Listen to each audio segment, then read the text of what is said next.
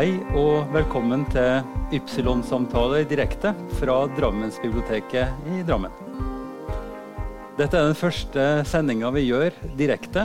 Eh, Ypsilon-samtaler har vært eh, på lufta i et år allerede med ukentlige samtaler hvor eh, jeg fra Kirkelig dialogsenter i Drammen har invitert folk som jeg har lyst til å snakke med om interessante temaer.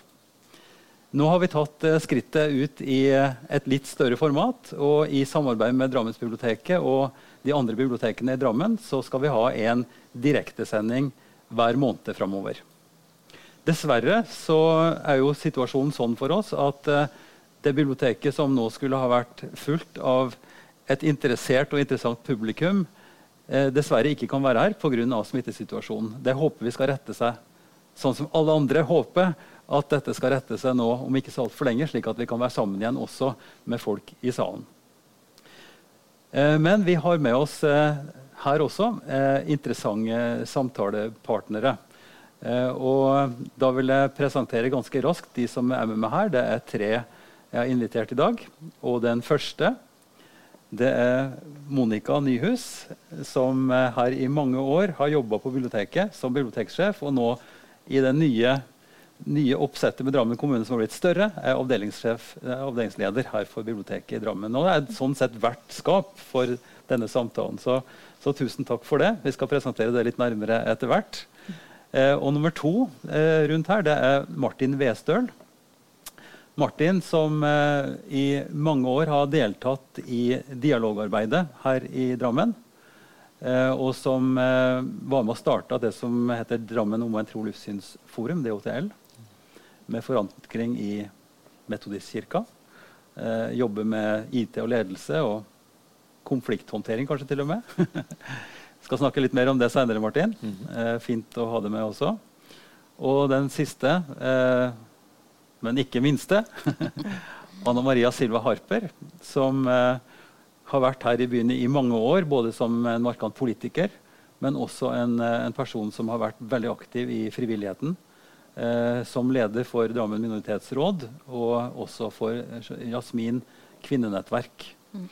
Og vil jeg også si en av de som står bak den flotte, svære Globusfestivalen som vi er så stolte av her i byen. Mm.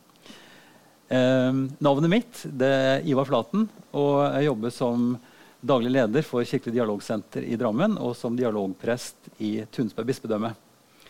Eh, og skal få være vert for denne samtalen også. Eh, vi eh, har som tema i dag eh, møteplassene våre. Og det er vel noe av det som vi savner aller mest nå i, i dette året som har gått, hvor vi har mista på mange måter muligheten til å kunne være sammen sånn som vi er vant med. I, det kan være i menigheten, det kan være i, i, i litteraturgruppa, eller det kan være du kan nevne hva som helst av foreninger og sånt som har måttet forandre mye, og som da ikke har hatt muligheten til å være sammen. Og derfor så har vi, og Det er mulig at noen av dere er lei av det allerede, av disse digitale plattformene. Eh, og, og, og, skulle gå inn på Zoom eller gå inn på Teams for å kunne møte folk. Dette må det bli slutt på etter hvert, tenker jeg. Eh, og det håper vi skjer, men samtidig så er det noe veldig fint. For det er klart, eh, det å kunne ha en kontakt sånn som vi gjør nå. At vi kan være til stede samtidig. At dere som nå sitter hjemme, også kan være her sammen med oss samtidig. Det er også noe veldig fint. Og det er dette møtet som karakteriserer Ypsilon-samtalene, men som også tror jeg driver eh, oss som sitter rundt her nå. Eh, det vi er opptatt av. Hvordan kan vi legge til rette for at vi kan møtes? Hvordan kan vi legge til rette for at gode ting kan skje i menneskemøter? Eh, med våre forskjellige utgangspunkt. Eh, min arena har jo vært eh, kirka her i Drammen i, i mange år, 15-16 år. Eh, og nå de siste åra som dialogprest og for å legge til rette for disse møtene gjennom ulike aktiviteter. Så altså møteplassene våre. Hvorfor er det viktig at vi driver det? Hva tenker vi? Hva er drivkraften vår? Og hvordan ser vi på dette nå i korona, koronaens lys? Vi tenkte jo at dette skulle gå over til høsten, tenkte vi i vår. Og så sier vi at over jul blir det vel greit. Og nå ser vi at det strammes enda mer til. Så dette ser ut til at det er noe som vi må leve med og leve i litt lenger. Og da vil jeg først eh, tror jeg, eh, henvende meg til Monica. Eh, Monica Nyhus, du som, du som nå i, i, mange år har jobba i biblioteksbransjen. Mm. Først i ja, nesten ti år, mer enn ti år, på Deichman mm. i Oslo. Eh, med for litt forskjellige oppgaver der. sånn. Og så da her i Drammen vært med og utvikla og bygd ut og tenkt nytt. Og, og, og, gjort dette huset til det det er i dag. Mm. Som en, eh, ja, en av de fineste arenaene, tenker jeg. Nå ser jo ikke publikum så mye bak her, fordi at det er refleks i glasset og sånn, men når det blir mer utpå sommeren, så vil en så klart se Ypsilon-brua, som også ligger rett bak oss her. Men uh, Monica, uh, biblioteket i min barndom så var biblioteket et nokså nedstøva sted med noen svære reoler og så en tante som satt i en krok med briller og skrev en protokoll. Mm. Sånn er det ikke. Nei, jeg håper det er slutt på den tiden der. uh, biblioteket i dag handler mye mer om den aktive møteplassen. Det handler om møter mellom mennesker, og det handler om møter mellom mennesker og litteratur og andre uttrykk. Så um, det, det, du beskriver, det er jo biblioteket, den klassiske uh, fortolkningen som et boklager. Og det er vel det som ligger i ordet også? Ja, det betyr jo det. det, betyr jo mm. det. Men uh, i dag så betyr jo bibliotek mye mer.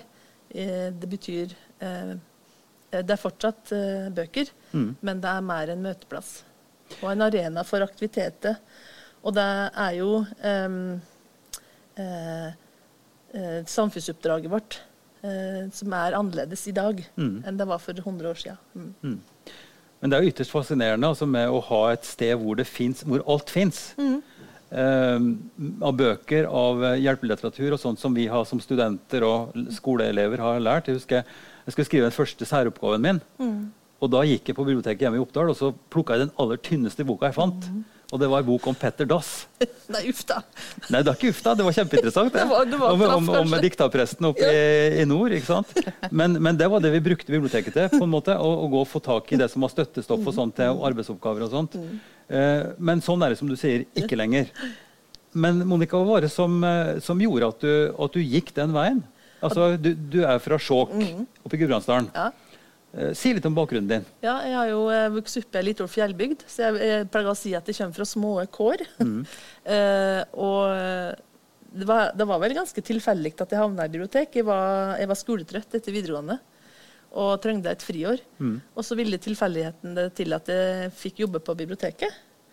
Og det, det var et eh, naturlig valg for meg den gangen, for jeg var veldig glad i biblioteket. Mm eh, som skoleelev. Ja. Og, og, og, var ofte et sånt der friplass for meg.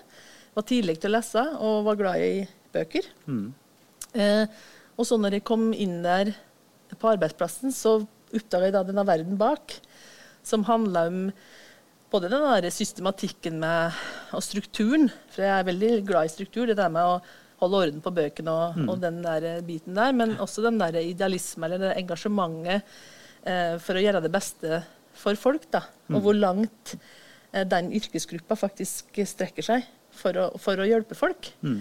Og det tror jeg traff meg voldsomt, og som da gjorde at det, det var et sånt eh, frø eh, som begynte å, å, å feste seg, mm. eh, og at det begynte å være starten på et yrke. da.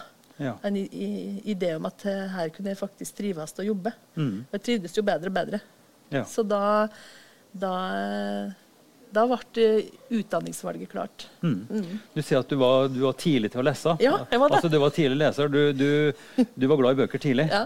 Var, var, det mye bøker hjemme hos deg? Ja, det var alt slikt der eh, holdt på sagt, eh, som var i bokhyllene på den tida, tror jeg. Det var Alf Prøysens samlede verker, og så var det hva heter, heter så serien Det beste? og sånn? Mitt skattkammer? Ja, alle de der seriene. Og det bestes bøker? Som jeg tror alle har i hyllene sine. Mm. Okay, ja. Og jeg, jeg pløgde gjennom absolutt alt. Og eh, bestemor mi sa jo eh, faktisk at eh, du kommer til å bli prest. Ja. det var en sånn klassiker. Ja, Kanskje du kan tenke på det òg?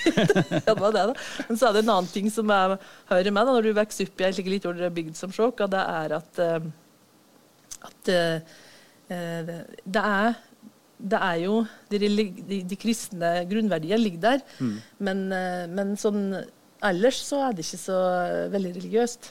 Sant? Nei. Det er det, den- som, det er det som vi i, i, fagspråket, i fagspråket snakker om som folkekirke. Altså Ja, at kir. Kirka står der, og så Ja. bruker den det til dåp og til, Ja.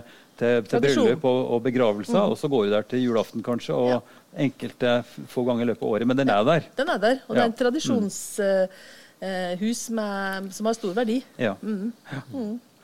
Fint. Uh, sånn at din eh, skal vi si, din motivasjon, som jeg hører det, det var jo at du, du så storheten i det at, at de som jobber på biblioteket, hjalp folk, la til rette for at du skulle finne fram til det du ville ha, og kanskje også ga litt retning for lesing og sånn, både for, for store og små. Absolutt. Og særlig eh, også inn mot eh, utdanning. Eh, og når du bor i ei så liten bygd som Skjåk, hvor det er ganske lang avstand til alt, dette der med å kunne skaffe all verdens litteratur eh, til, til lille Skjåk, og Ja. hjelpe folk eh, til å ta fjern- fjernundervisning, f.eks.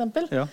Eh, og da skaffa jeg jo alt. Ja. Jeg satte på en måte mål på meg om å Ja. Det var ikke den ting jeg ikke kunne skaffe. Var det bibliotek i Skjåk, eller? Ja. Ja. Så- Er, er det fortsatt bibliotek på Skjåk? Å ja. Ja. ja da. Mm -hmm. jeg for jeg vet- også at eh, jeg, mener så, jeg har jo googla det litt. Ja. Og da så jeg at eh, det var en konferanse for en del år tilbake der jeg tror det var Lom bibliotek som var dratt fram som et sånn Fikk foregangsbibliotek. prisen som årets bibliotek. Ja, I 2013, eller Det er fordi at de, var så ekst, altså de er helt unike på å formidle Ja. på det Ja. vesle biblioteket i landet. Og de, de, eh, de har innført et nytt begrep. De prater bøkene ut av hyllene. Ja. Ja. Mm. Nettopp. Ja. Ja, vi, og vi, kunne, vi skal komme tilbake til det, men, men huset her er jo altså det er jo en lang vei, tross alt. da, Absolutt. Fra Skjåk og, og den første impulsen du har, og til et moderne mm. bibliotek sånn som du er med å lede i dag. Ja. Men jeg tror vi går videre til, til Martin. For du, Martin, eh, eh, jeg har googla deg òg. Jeg kjenner jo deg tilbake fra, fra da vi starta opp eh, Dialogforumet. Eh, men ikke så mye personlig, så jeg har faktisk ikke gjort det tidligere. Og jeg oppdager jo til min forbløffelse at du har utdanning både fra, fra Italia og fra Melbourne, eh, Australia. Og, og har jobba mye med, med, med si, organisasjonsutvikling, med, med IT. eh, Og, og jobber nå i et stort firma der, der det er snakk om en slags plattform for å kunne ha IT-løsninger eh, for andre. Men så er du òg godt forankra i Metodistkirka eh, og er aktiv der sånn. Um, si litt om bakgrunnen din. Hønefoss. Ja, altså, jeg er født på Hønefoss. Mm. Jeg har lite med Hønefoss å gjøre. og husker ikke noe for det. Jeg var i en eh, familie. Vi var eh, etter hvert fire. Eh, vi flyttet veldig mye som små. Eh, sånn at det blir revet opp og starter igjen. Men oppvekst og sånt har jeg fra Skien. Ja. Det er der jeg har min oppvekstbakgrunn. Eh, så er det jo sånn at du velger jo utdannelse som passer eh, si, lynne og evner og sånt. Så jeg valgte meg økonomi eh, og regnskap, for dette var tall som jeg var sterk på å kunne gå sånn. Men ganske snart så ble det vel egentlig klart for meg at det er folk som er interessant. Det er folk jeg spiller med. De møter med enkeltmennesker og kunne så og sånn. Så jeg har vært i Italia, på, i Milano, og studert eh, på universitetet der. Og jeg har vært i Melbourne eh, da et halvt års tid sånn. Min første er født i Italia, min andre i Melbourne. Så, sånn sett så blir det jo internasjonalt. Eh, men det jeg endte med, det var endringsledelse eh, og organisasjonspsykologi. Og det å se hvordan gruppedynamikk og mennesker kan blomstre i ulike typer grupper. Eh, og det er noe jeg har tatt med meg inn i det jeg da jobber med. Eh, sånn, og da jobber jeg nå med det som pent kalles programledelse. Men i praksis går ut på hvordan får du folk til å jobbe godt sammen i nye varianter og nye måter å jobbe sammen på. Mm. Jeg kan bruke som eksempel nå at eh, de teama jeg jobber i nå, så har jeg for første gang ansatte som eh, jeg aldri har møtt. De er uh, intervjua eh, på video. De er ansatt på video. De har fått eh, PC-en sin sendt med budbil. De har fått opplæringa på video. Og vi møter kunder sammen på video. Det skaper en ny dynamikk, og det er en annen måte å jobbe sammen på. Det krever ganske mye av oss. Og en får stadig si, glede av å forstå at vi er forskjellige, eh, og kunne bygge på det. Og det er det som har endt opp, selv om jeg da har økonomi og juss eh, og trauste fag i bakgrunnen, Ja. så er folk det som virkelig inspirerer. Veldig, veldig interessant det med, med det faglige, faglige bakgrunnen din og erfaringene du har der. Men, men jeg er også nysgjerrig på, eh, når vi kjenner deg som metodist, eh, hvor stor grad har du dratt med deg det hjemmefra? Altså, Hvordan ble du prega sånn sett i dine livsvalg senere? Ja, jeg kommer jo ifra det jeg vil kalle en kristen familie, selv om den kanskje er nærmere den folkekirkebakgrunnen. sånn sett. Jeg kommer fra en familie som har ulik kristen bakgrunn. En far som er baptist, en mor i statskirka. Jeg har onkler og tanter i frikirke. Altså det er et ganske bredt mm. spekter. sånn sett. Eh, og Det betyr jo at du får forskjellige innspill. Jeg blei selv metodist i 2005, så jeg har ikke vært metodist så lenge. Nei. Men det har hatt noe med dette at kirka har hatt en, jeg har hatt en tilhørighet til den. Det er dit den har kunnet komme hjem, dit den har kunnet komme og, i spesielle situasjoner. Eh, og så har jeg alltid ville gått til den som er nærmest meg. Eh, det å kunne ha en lokal eh, gruppe og være sammen med og ha, og dele livet med. Mm. Eh, og da er det sånn at Når jeg da bor vegg i vegg eh, med Metodistkirka, så var det det naturlige stedet jeg kom til Drammen. Så skal det sies at jeg er en kone eh, som jo kommer fra en metodistfamilie med en lang metodisthistorie. Og, sånn sett, og jeg har da både svigerfar og svigerfars far og så videre, som har mm. vært prester i Metodistkirka. Så sånn sett har jeg flyttet inn den veien. Mm. Men det er først og fremst å finne et hjem der jeg møter mennesker som bryr seg, og som viser meg varme og kjærlighet og omsorg, og bygger opp meg som person og styrker meg og lader batteriene mine, så jeg kan komme ut og hjelpe og mm. gjøre noe med, sammen med andre. Og det er det som har skapt Metodistkirka i mitt hjerte. Men eh, kan vi fantasere om at din eh, brokete familiebakgrunn da, med forskjellige konfesjoner og sånt, nå har bidratt til din, din dialogiske eh, innstilling? Altså for Når du sitter nå som leder for byens dialogforum, eh, som ble stifta i 2008, eh, så var jo det, er jo det et sted hvor en ønsker å kunne komme sammen med en definitiv, altså en tydelig religiøs bakgrunn, men for å komme sammen på like fot. Har du trent på det? Snakker dere, skriker dere mye til hverandre fra baptisten til, til pinnsvennene? Jeg tror ikke det skrikes så mye. Nei. Men ja, at vi faktisk har forskjellige meninger. Ja. Eh, og at man må ha respekt for at vi mener forskjellige ting. Vi tror forskjellige ting. Mm. Eh, og kanskje oppdagelsen at det at du tror forskjellige ting, også gjelder internt i ditt eget eh, trossamfunn. Det er ikke slik at alle metodister tror og mener det samme. Mm. Eh, det er ikke slik at alle baptister tror og mener det samme. Vi er forskjellige. Eh, og det å kunne spille på det og forstå hverandre, mm. Eh, det er verdifullt. Og det har jeg tatt med meg inn i den mm. sammenhengen. Du kan jo si det til til en katolikk eller til en, til en, norsk statskirke eller Det norske kirkemedlem, som er jo det største trossamfunnet i Norge, men hvor det er svær uenighet og mange ulike posisjoner. Mm. Så tanken på at liksom det er same, same mm. eh, Og den, den, groveste kategorien er jo å si at kristne er liksom én ting, og muslimer er noe mm. annet. Mm. Katolikker er noe mm. Altså, vi er jo mennesker. Og den den gjenkjennelsen da, av dynamikken liksom, i såkalt entydige forhold og entydige organisasjoner.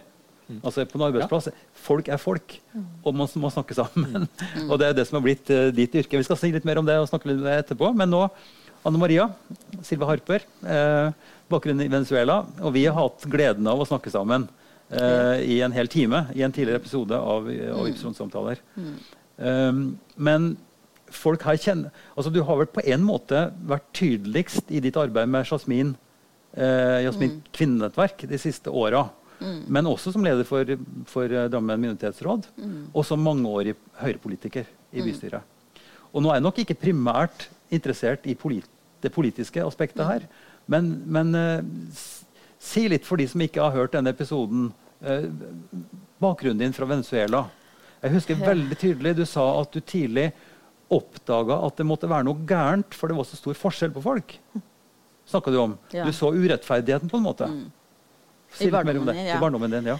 ja. Født og oppvokst i Venezuela. Eh, vi flytta også mye. Eh, for faren min var jo distriktsdyrlege, eh, så vi flytta veldig ofte. Eh, jeg er yngst i en familie med fem barn. Eh, eh, oppdratt etter katolske kirke, og det er det å, å be om tilgivelse en tillatelse, for å si det sånn. da gå i kirken. Og, og, altså, kirken betyr mye for oss. Da. Det er en del, mye større del av livet vårt, da, for å si det sånn. da. Mm. Eh, gikk jo på katolsk skole, for det trodde mine foreldre at eh, da skulle jeg bli et bedre menneske. det vet ikke om jeg er, men jeg gikk jo i hvert fall for det. På eh, privatskole, katolsk, og det var bare jenter. Og med nonner som lærer, og altså veldig, veldig streng. Eh, Og etter videregående skole så dro jeg til USA som utvekslingsstudent. Eh, og den familien hadde jo ikke barn, så da var det to jenter, to utvekslingsstudenter. En fra Trondheim og en fra Venezuela.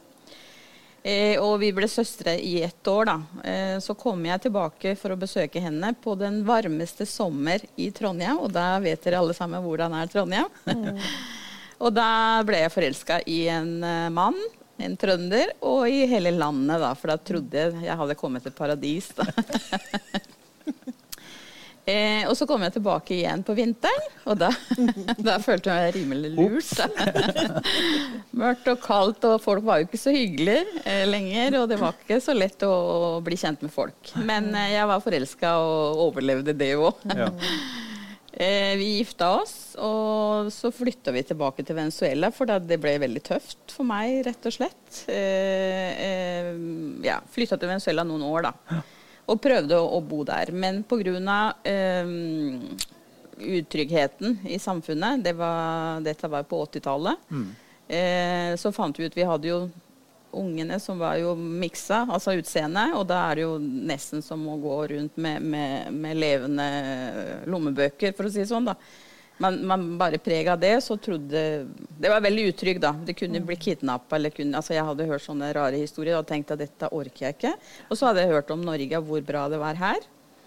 Og det, Drammen ble jo helt tilfeldig. Og da kom en trønder sammen med en venezuelansk kode og tre barn. Og vi flytta til Øren, da. Ja.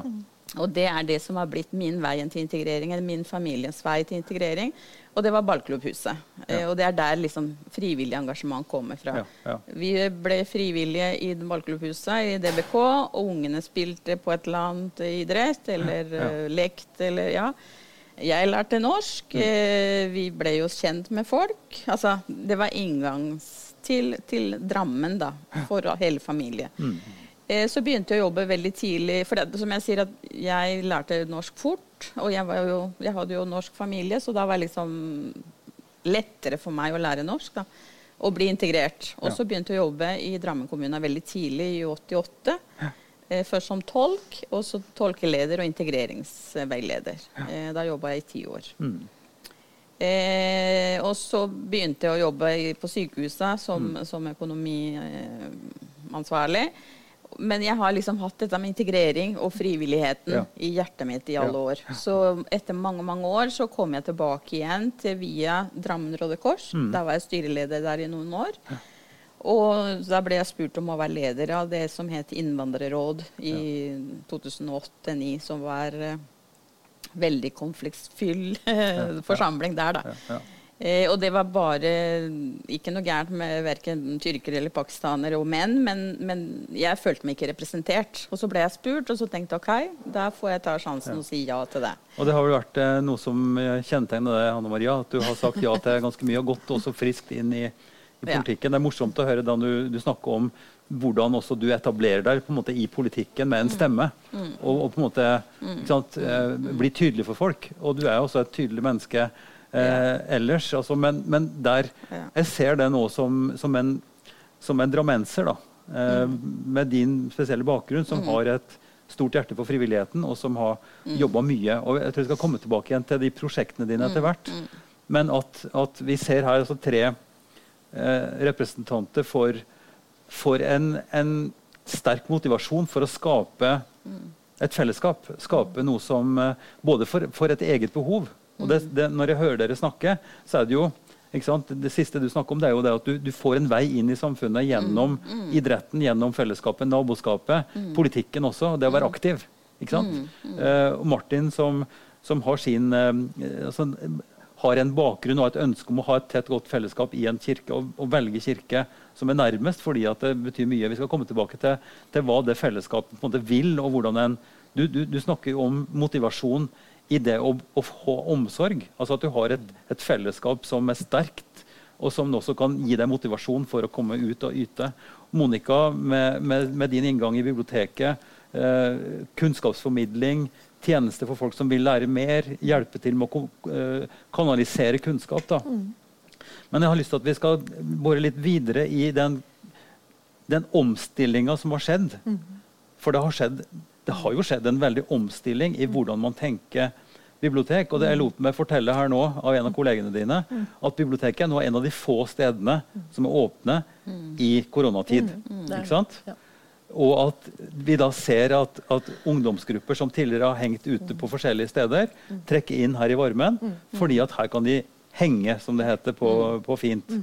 Men også at det er tilbud i, i, i mye aktiviteter og sånt. Men bare det å være et sted som er varmt, som er fint, eh, og, og ha et fellesskap, er, er det i, til sjuende og sist så enkelt som det å ha et, et åpent sted hvor en kan være sammen. Jeg, jeg tror det handla om eh, akkurat det å, å ta det derre behovet på alvor. At folk har behov for å møtes. Eh, og det må være uten krav eller forventninger. Det må være lett eh, å komme inn, og du må oppleve at du er velkommen. Og, og det er jo det som har Altså den eh, filosofien som har ligget bak de endringene som vi har gjort her i Drammen, da, akkurat i det huset her, det var at vi ville endre det fra å være et rom for bøker til å være et rom for folk. Og det var ut ifra både det, det, det vi så av dagens bruk. Eh, høy bruk alltid her i Drammen.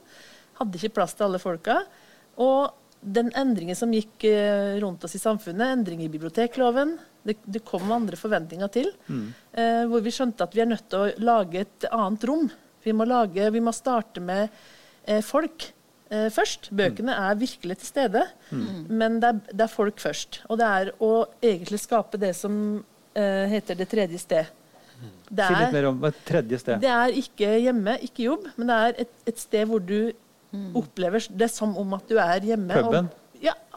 Eller et sted som du føler deg Public vel. house? Som du føler deg hjemme, Ja. og som uh, du, du uh, Uh, intuitivt skjønner at her er jeg velkommen, og her kan jeg være. Det er ingen som spør hvor, hvor, hvor kommer du fra, hvor, hva skal du her?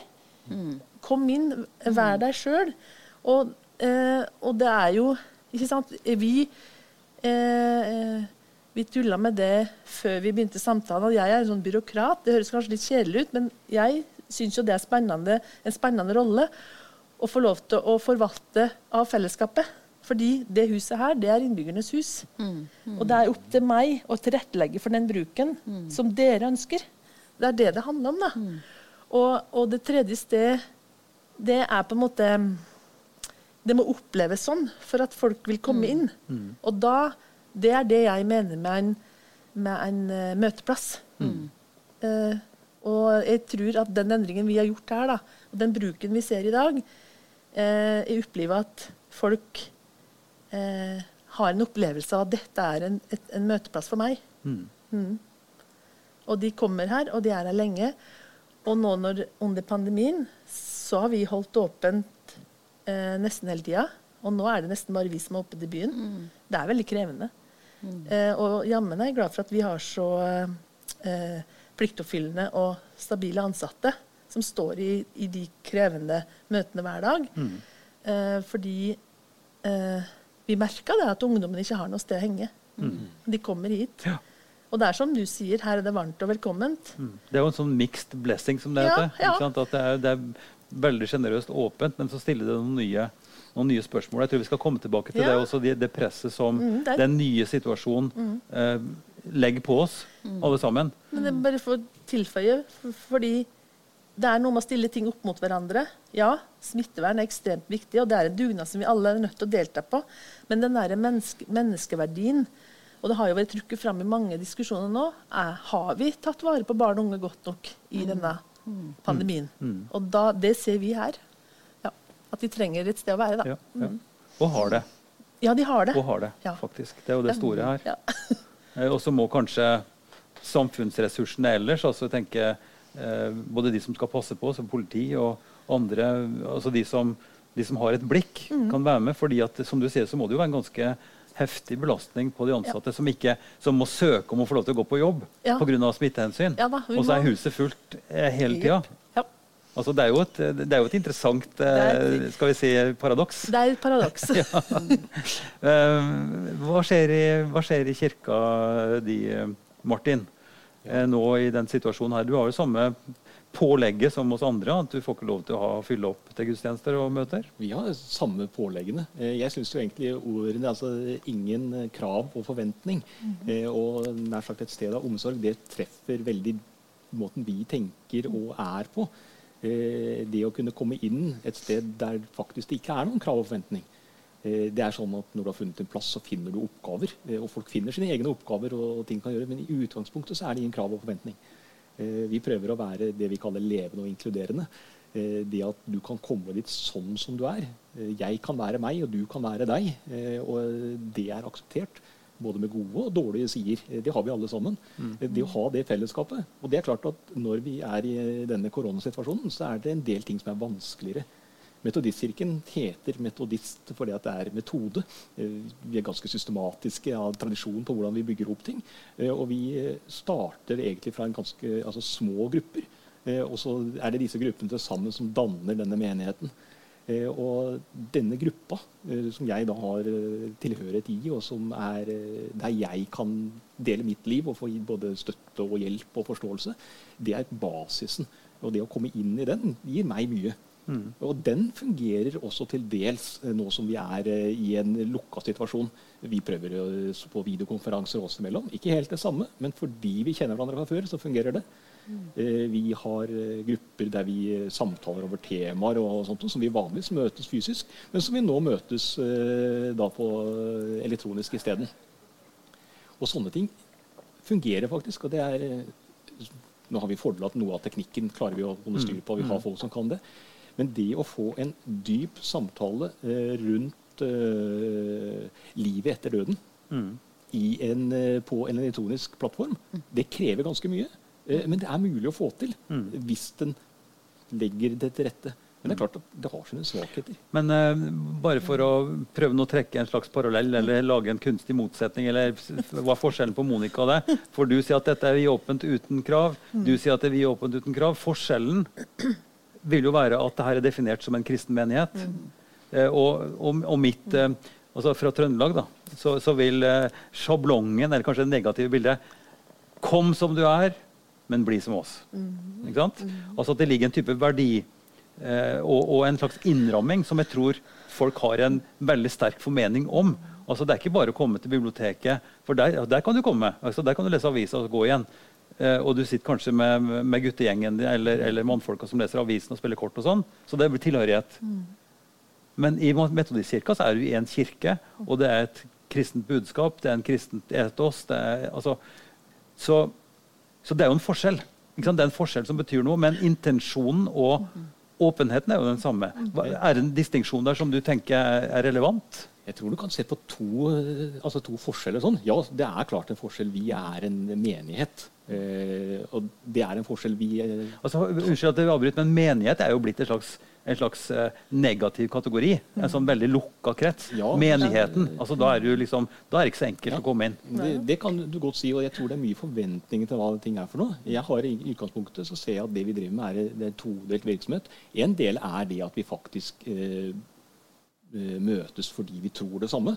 Uh, og vi finner måter som gjør at vi får det bedre. Vi lader batterier, og vi får den energinivået jeg trenger. Men store deler av det som er Metodistkirken i Drammens arbeid, det er arbeid sammen med folk som ikke tror det samme som oss. Uh, vi har uh, Eh, tilstelninger på eh, eldrehjem eh, der, og står for et opplegg der som ikke har et stort kristent budskap. Men det er klart at hvor vi kommer fra, farger også hva folk mener om oss. Mm. Vi har ungdomsklubb som tar vare på folk uavhengig av tro og sted. Så vi har en ganske mye frivillig aktivitet som går rundt. Og Det er jo noe av det som kjennetegner både oss og andre medlemmer av DHTL. At det er ikke så mange ansatte det er et enormt frivillig apparat som stepper opp og tar eh, sin rolle og hjelper. Eh, og har ulik motivasjon for det. Jeg bruker jo da en motivasjon for at det jeg har fått, ønsker jeg å dele videre. Jeg ser at en del av eh, de tinga jeg er involvert i, så er det sånn at jeg eh, gir videre. Og jeg krever ingenting tilbake.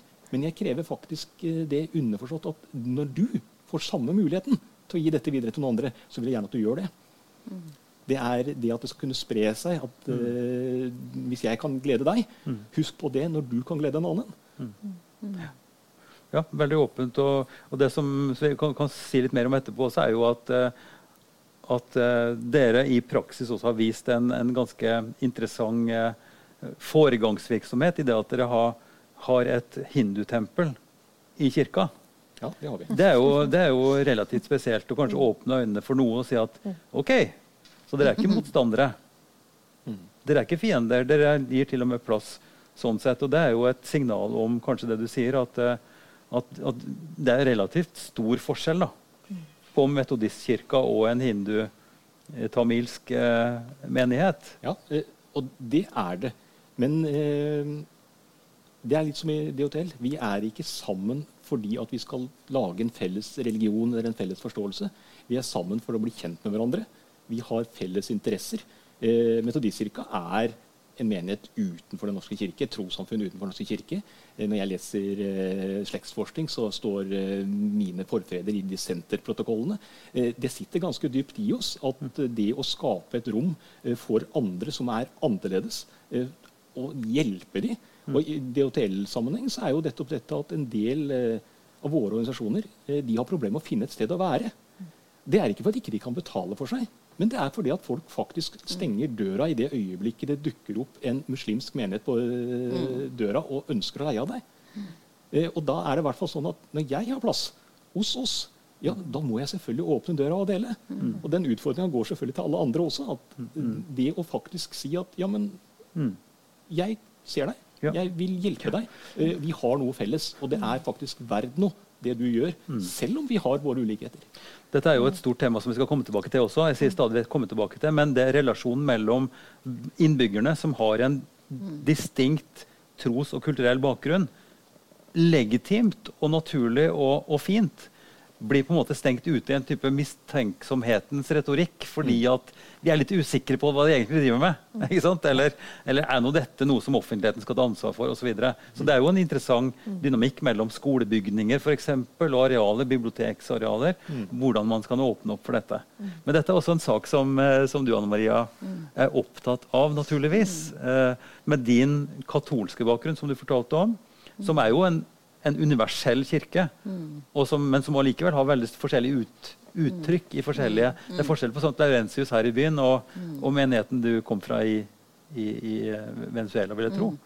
Men, eh, så, men, men det, er, jo- det er jo ikke ditt hovedperspektiv. Ditt hovedperspektiv nå er jo dette med inkluderings- integreringsprosessen. Hvordan bli en del av helheten. Du fortalte om din historie. At du, du kom som familie inn hit gjennom idrett, kanskje, og etter hvert politikk. Men hva ser du nå? Hva er på en måte din drivkraft? da? Nå har vi, nå har vi kommunen, biblioteket, vi har trossamfunn, kirka. Hva, hva er din take på dette her? Og, og da tilbake til, til bakgrunnen er jo det at eh, jeg vokste opp i en eh, i katolske kirke som er en, en blanding av bibliotek og kirke. Der går du og henger lapper hvis du har noe å gi bort. Eh, Der går du og henter ting hvis du trenger noe. Eh, låne bøker, låne klær. Det er en liten sånn Nav-kontor, sier vi. Mange katolske kirker er det. Så går du og henter mat hvis du trenger mat. Eh, og da står presten og deler champagne og druer nyttårsaften, for det er det vi, vi tar når vi skal feire nyttår. Altså, det blir jo en del av livet mitt. Mye mer enn en, en kanskje man tenker her i Norge.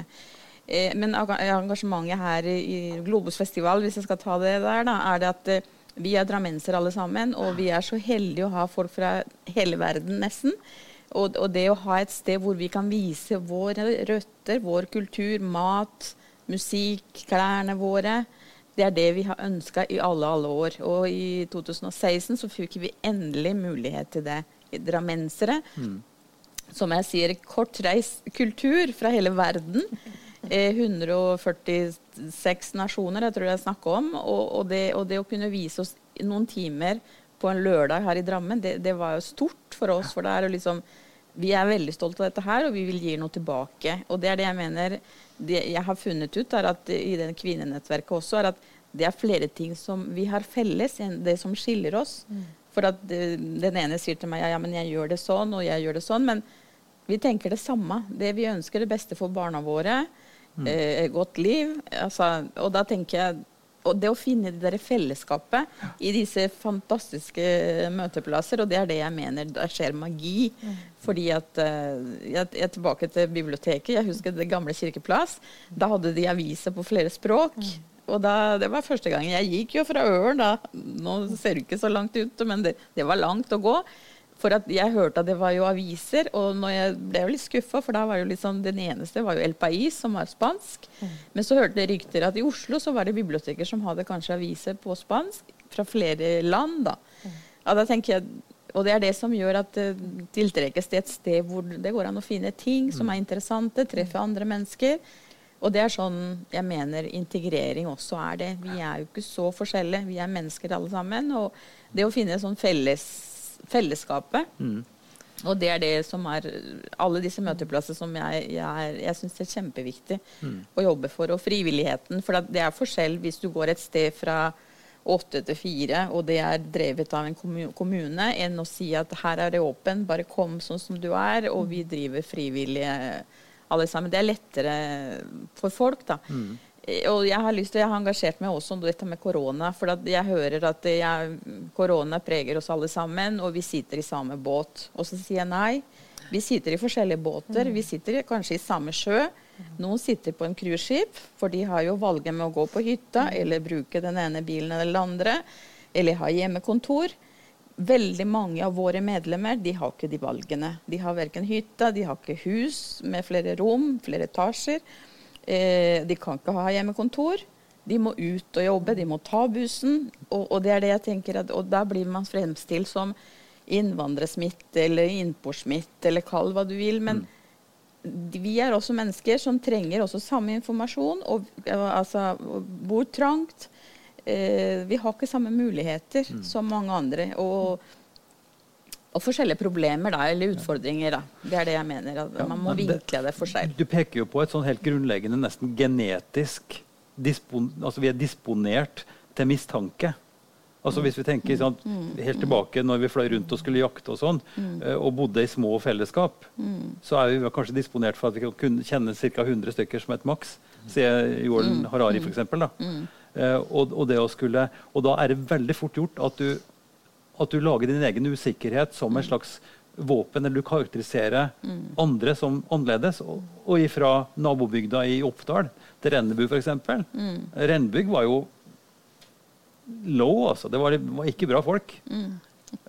altså, du, du, har sånne ideer, eller nab mistenksomme naboer altså. Mm. Mm. Så, så, jeg tror det er en slags motbakke, eller en slags nærmest moralsk eh, oppgave vi har å mm. komme over den skepsisen og ta inn det som vi faktisk opplever som mm. re relevant. Og at vi lærer ja, men Det er jo ikke sånn. Mm.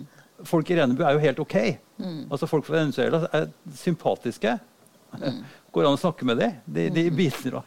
altså, så vi har og, og, og, det tenker jeg også er liksom litt av utfordringa. Globus er fantastisk. Mm. Og det finnes så mange, altså Biblioteket er fantastisk, men vi har samtidig behov for å ha tilhørighet mm. som er noe Mm. sterkere. Mm. Og vi må heller ikke gå i den grøfta og si at vi skal bli like.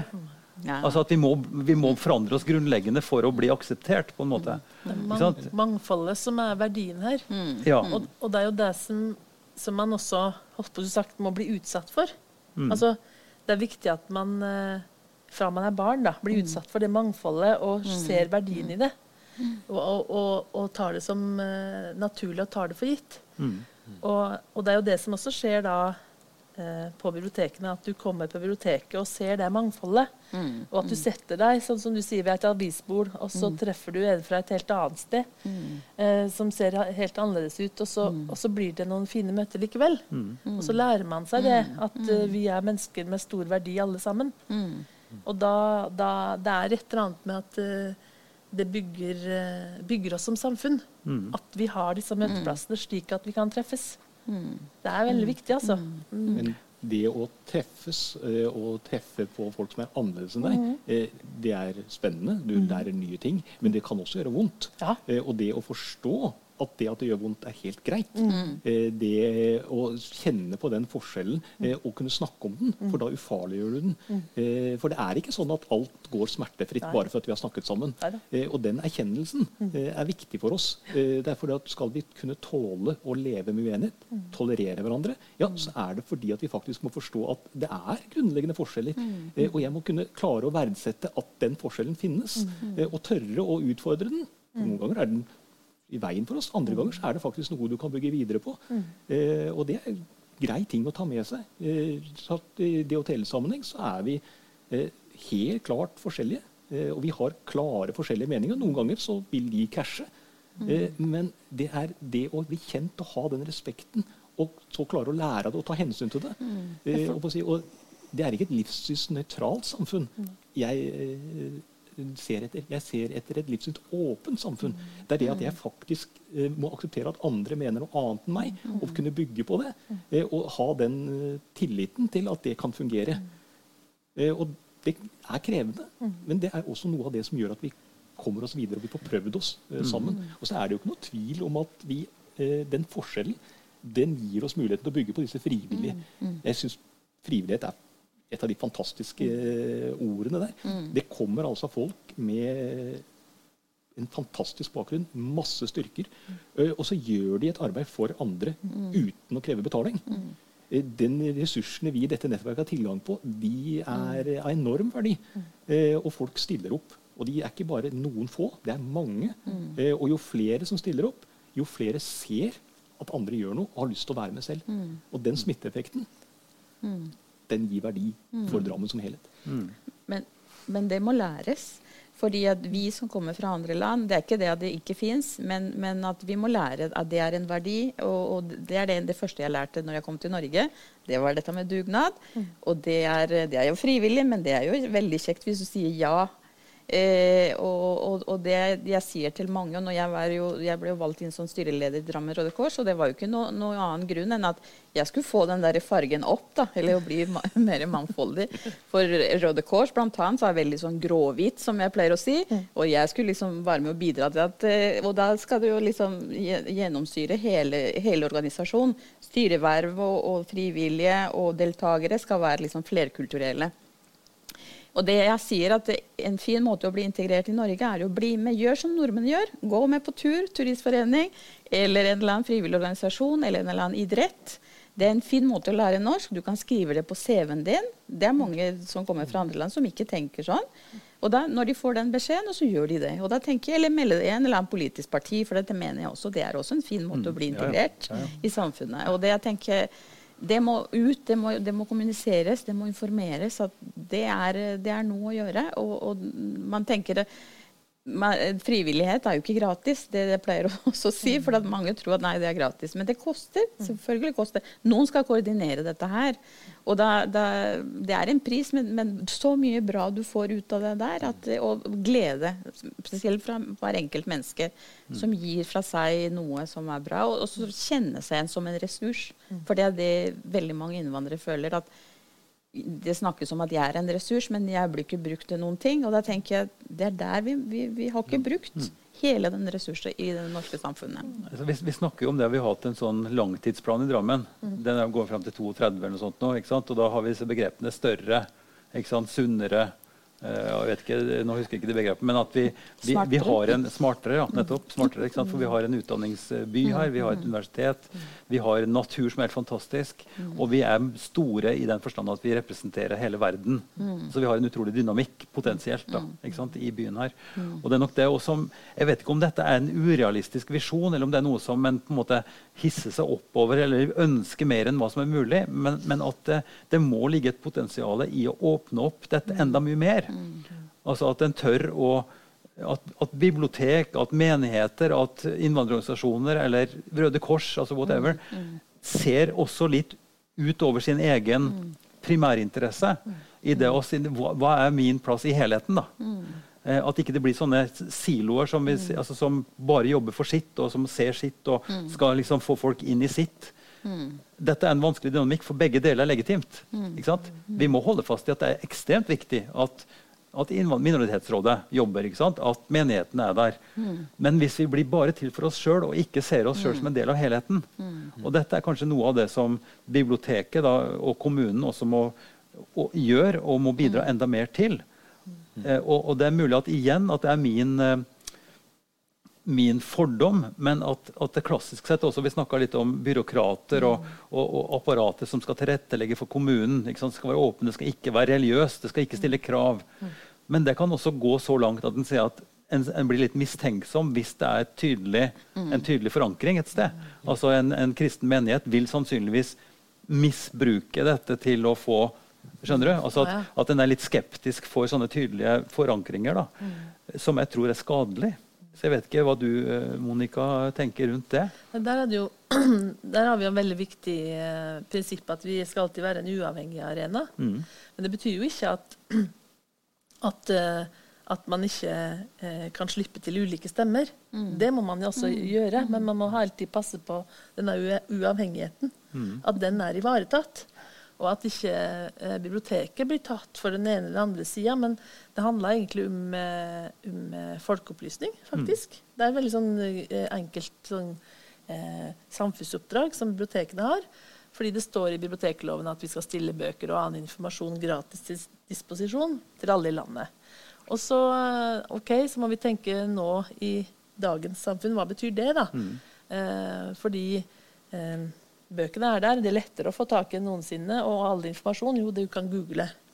Men uh, hva er alt det som står på det du får opp på Google, er det til å stole på? Så der kommer den der, å kvalitetssikre kildene. Mm. Men det kan også være at du um, tilrettelegger aktivitet og arrangement på biblioteket som, som gjør at uh, befolkningen får muligheten til å bli um, få kunnskap, få nye eh, Som innsikter. Få nye, oppdage nye ting, nye horisonter. Som på en måte gjør at, at man utvikler seg som eh, menneske. Mm. Og det er det som er det, på en måte kjernen av den der relevante eh, eh, møteplassen for folk. Mm.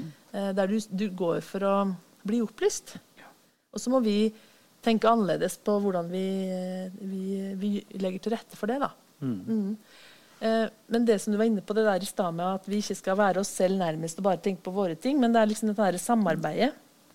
Og jeg har jo sagt at dette er innbyggernes hus, og vi har stor grad av frivillighet inne. For vi klarer jo ikke å skape all aktiviteten sjøl. Mm. Uh, og nå er vi med på et forskningsprosjekt uh, som heter Upscale.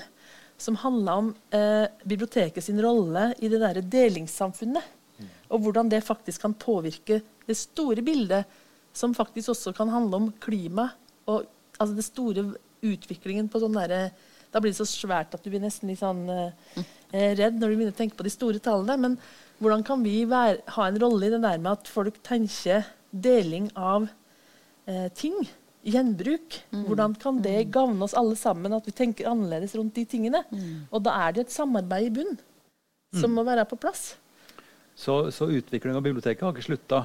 Nei. Det er stadig vekk en, en, utforsking av hva det betyr å være til stede for befolkninga. For informasjon, for refleksjon, for deling, ja. for utvikling. For Vi må hele tiden være på ballen. Og vi har alltid fått skryt bibliotekene for at vi er tidlig ute. Altså vi var, vi var tidlig ute med Internett. Vi har alltid vært tidlig ute, og det er, ligger i vår natur da, å kanskje være litt, sånn, mm. litt foran på eh, litt, eh, skal vi, Hva skal vi gjøre mm. nå? Mm. Eh, og det er å, å ta det der samfunnsoppdraget og tolke det i i, eh, i, det, i, det, samfunnet du er i nå, men også tenke litt framover. Mm. For det var jo det som lå bak den endringen vi gjorde her. Det var jo å lage et bibliotek som, som skal se framover. Mm. Og, og, eh, og, egentlig møte de fremtidige bibliotekbehovene. Mm. Ja. Eh, du har snakka litt om situasjonen med korona og, og den framskutte og nokså unike plassen dere har tatt nå. Ja. Så det, kanskje vi ikke skal behøve å si så veldig mye mer om det, men at det er faktisk veldig interessant og godt at det mm. finnes et sånt hus som er åpent. Mm. Og som også åpner for, for, sånne som oss, at vi kan ha et sånt arrangement nå på tross av at vi ikke har lov til å ha gjester her. Så det er vi veldig takknemlige for. Ja. Um, som DOTL uh, så vet du jo at, at der skjer det aktivt arbeid for å jobbe med den krisa som vi er inne i. Anne Maria nevnte det så vidt med, med, med dette problemet. Men der skjer det jo noe ganske interessant akkurat nå. Eh, Martin. Ja, altså, I forbindelse med korona så er det jo først og fremst informasjonen Eh, hvordan når vi ut? Eh, og som eh, eh, Når jeg leser informasjonen og har problemer med å følge den, så er det ikke veldig mye som skal til hvis du har litt dårligere norskkunnskap eller litt mindre informasjon eh, i det. Jeg anser meg som ganske oppegående på å lese disse, og til tross for det så er det altså veldig uoversiktlig. Eh, og det skaper problemer. Eh, og en del av disse misforståelsene som da oppstår, de oppstår fordi at man faktisk ikke har mm. riktig informasjon. Kanskje man har litt eh, skepsis til at det er myndigheter som kommer til å finne riktig vinkling på informasjonen, slik at den treffer meg. Eh, men der har vi altså jobba ganske aktivt inn. brukt midler og jobba sammen mm. også med Innvandrerrådet for å nå ut til det. Og så er det jo da sånn at en større andel av innvandrerbefolkningen har en religiøs eller sterkere religiøs tilknytning enn det majoritetsbefolkningen har. Eh, Og da er disse veiene inn ikke som en religiøs institusjon, men som eh, mennesker med kontaktnett som kan brukes i dette systemet, og som stiller opp. Eh, og det, Der har vi jobba ganske aktivt, og kommer til å fortsette selvfølgelig med det. Eh, og Det er også litt for å ta vekk dette stigmaet. At ja, men det er dette innvandrermiljøet. Eh, sånn. Men derimot så er det jo en selvfølge at folk som reiser hjem til familien sin, de reiser mer enn de som blir sittende igjen i Drammen. Ja, Eh, så Det finnes reelle ting, men det aller viktigste det er å forstå hva det er for noe. Og få ut den informasjonen. Og få folk til å faktisk ta hensyn til den. Mm. og vi oppfatter ting forskjellig. Jeg ser sånn en eh, sammenligning. altså eh, I Norge så gir vi en anbefaling, og så følger alle anbefalingen. I andre deler av verden så venter du på et påbud. For en anbefaling det er ikke så viktig. Og det å klare å forstå at i Norge så er anbefalingen faktisk seriøse. Eh, De er ment som det, og det er for at vi alle sammen gjør dette såkalte dugnadsarbeidet. Mm. Men så er vi i forskjellige situasjoner. Ja. Og for meg så er det, når ungene må være hjemme fra skolen, så er det enkelt. Jeg drar fram én PC til hver av mine åtte barn, eh, og så kobler de seg opp. Det er ikke alle andre som kan det. Hva gjør vi for å hjelpe de? Eh, Vi kunne snakke om familien din og syklinga og turene deres og alt mulig. Det er, jo, det er jo flott da, å ha en så stor familie som er så aktiv som din har.